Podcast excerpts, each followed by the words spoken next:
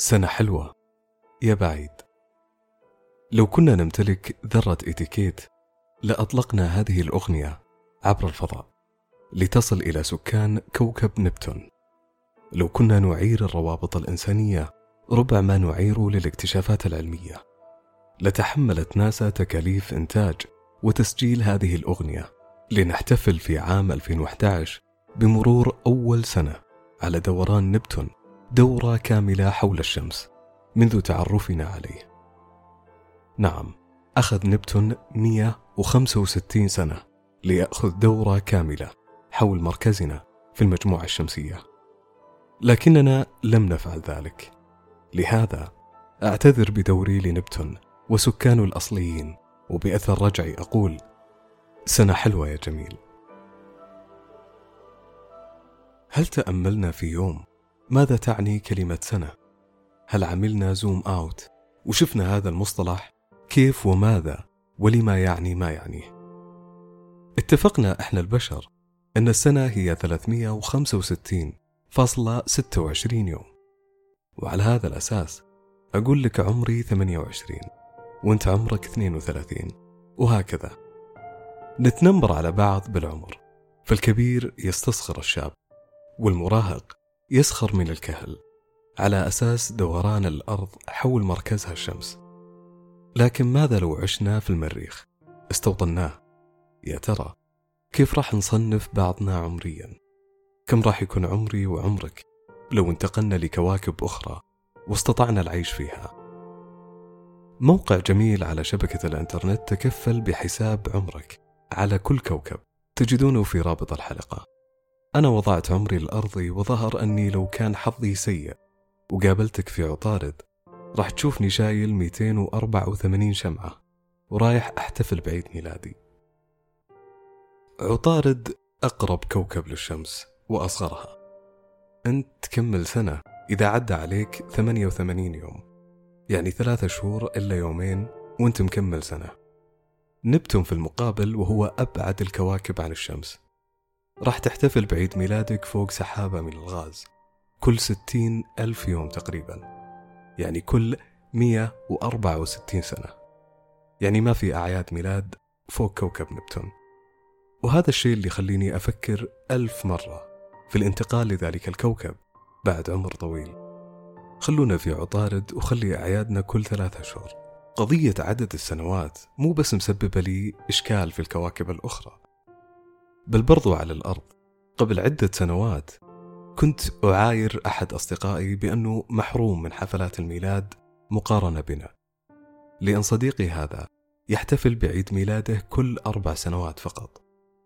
ببساطة لأنه مولود في 29 فبراير وتاريخ 29 فبراير لا يتكرر إلا كل أربع سنوات. باقي السنوات يكون شهر فبراير فقط 28 يوم.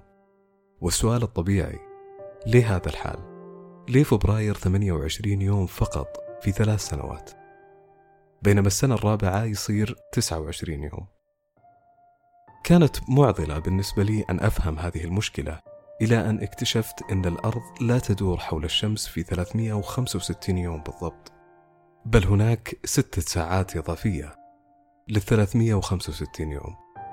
ولكي يتجنب المؤرخون والفلكيين لخبطة هذه الست ساعات صاروا يحذفون الست ساعات لمدة ثلاث سنوات ثم يضيفوها للسنة الرابعة وتصير يوم كامل.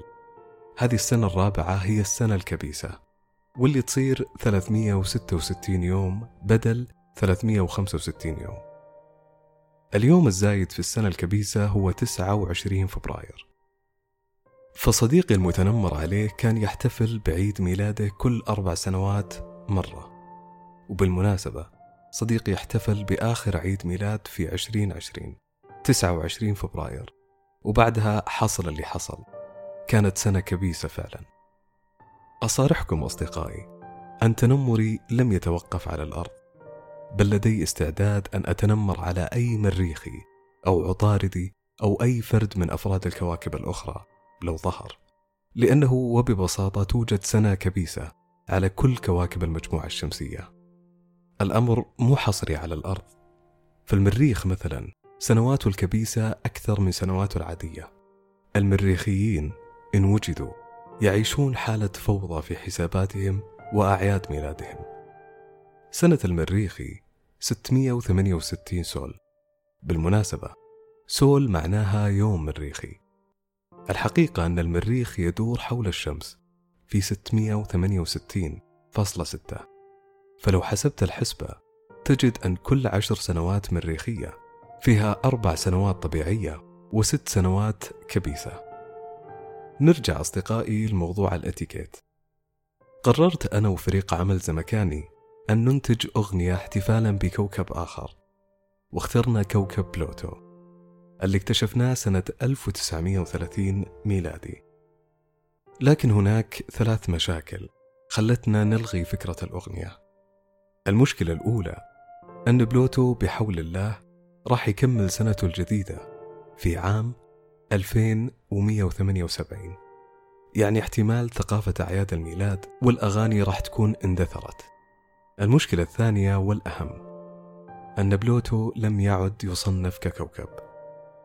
ففي عام 2006 اتحاد الفلكيين غضب على صغر حجم بلوتو وقرر يحذفه من جدول الكواكب في المجموعة الشمسية.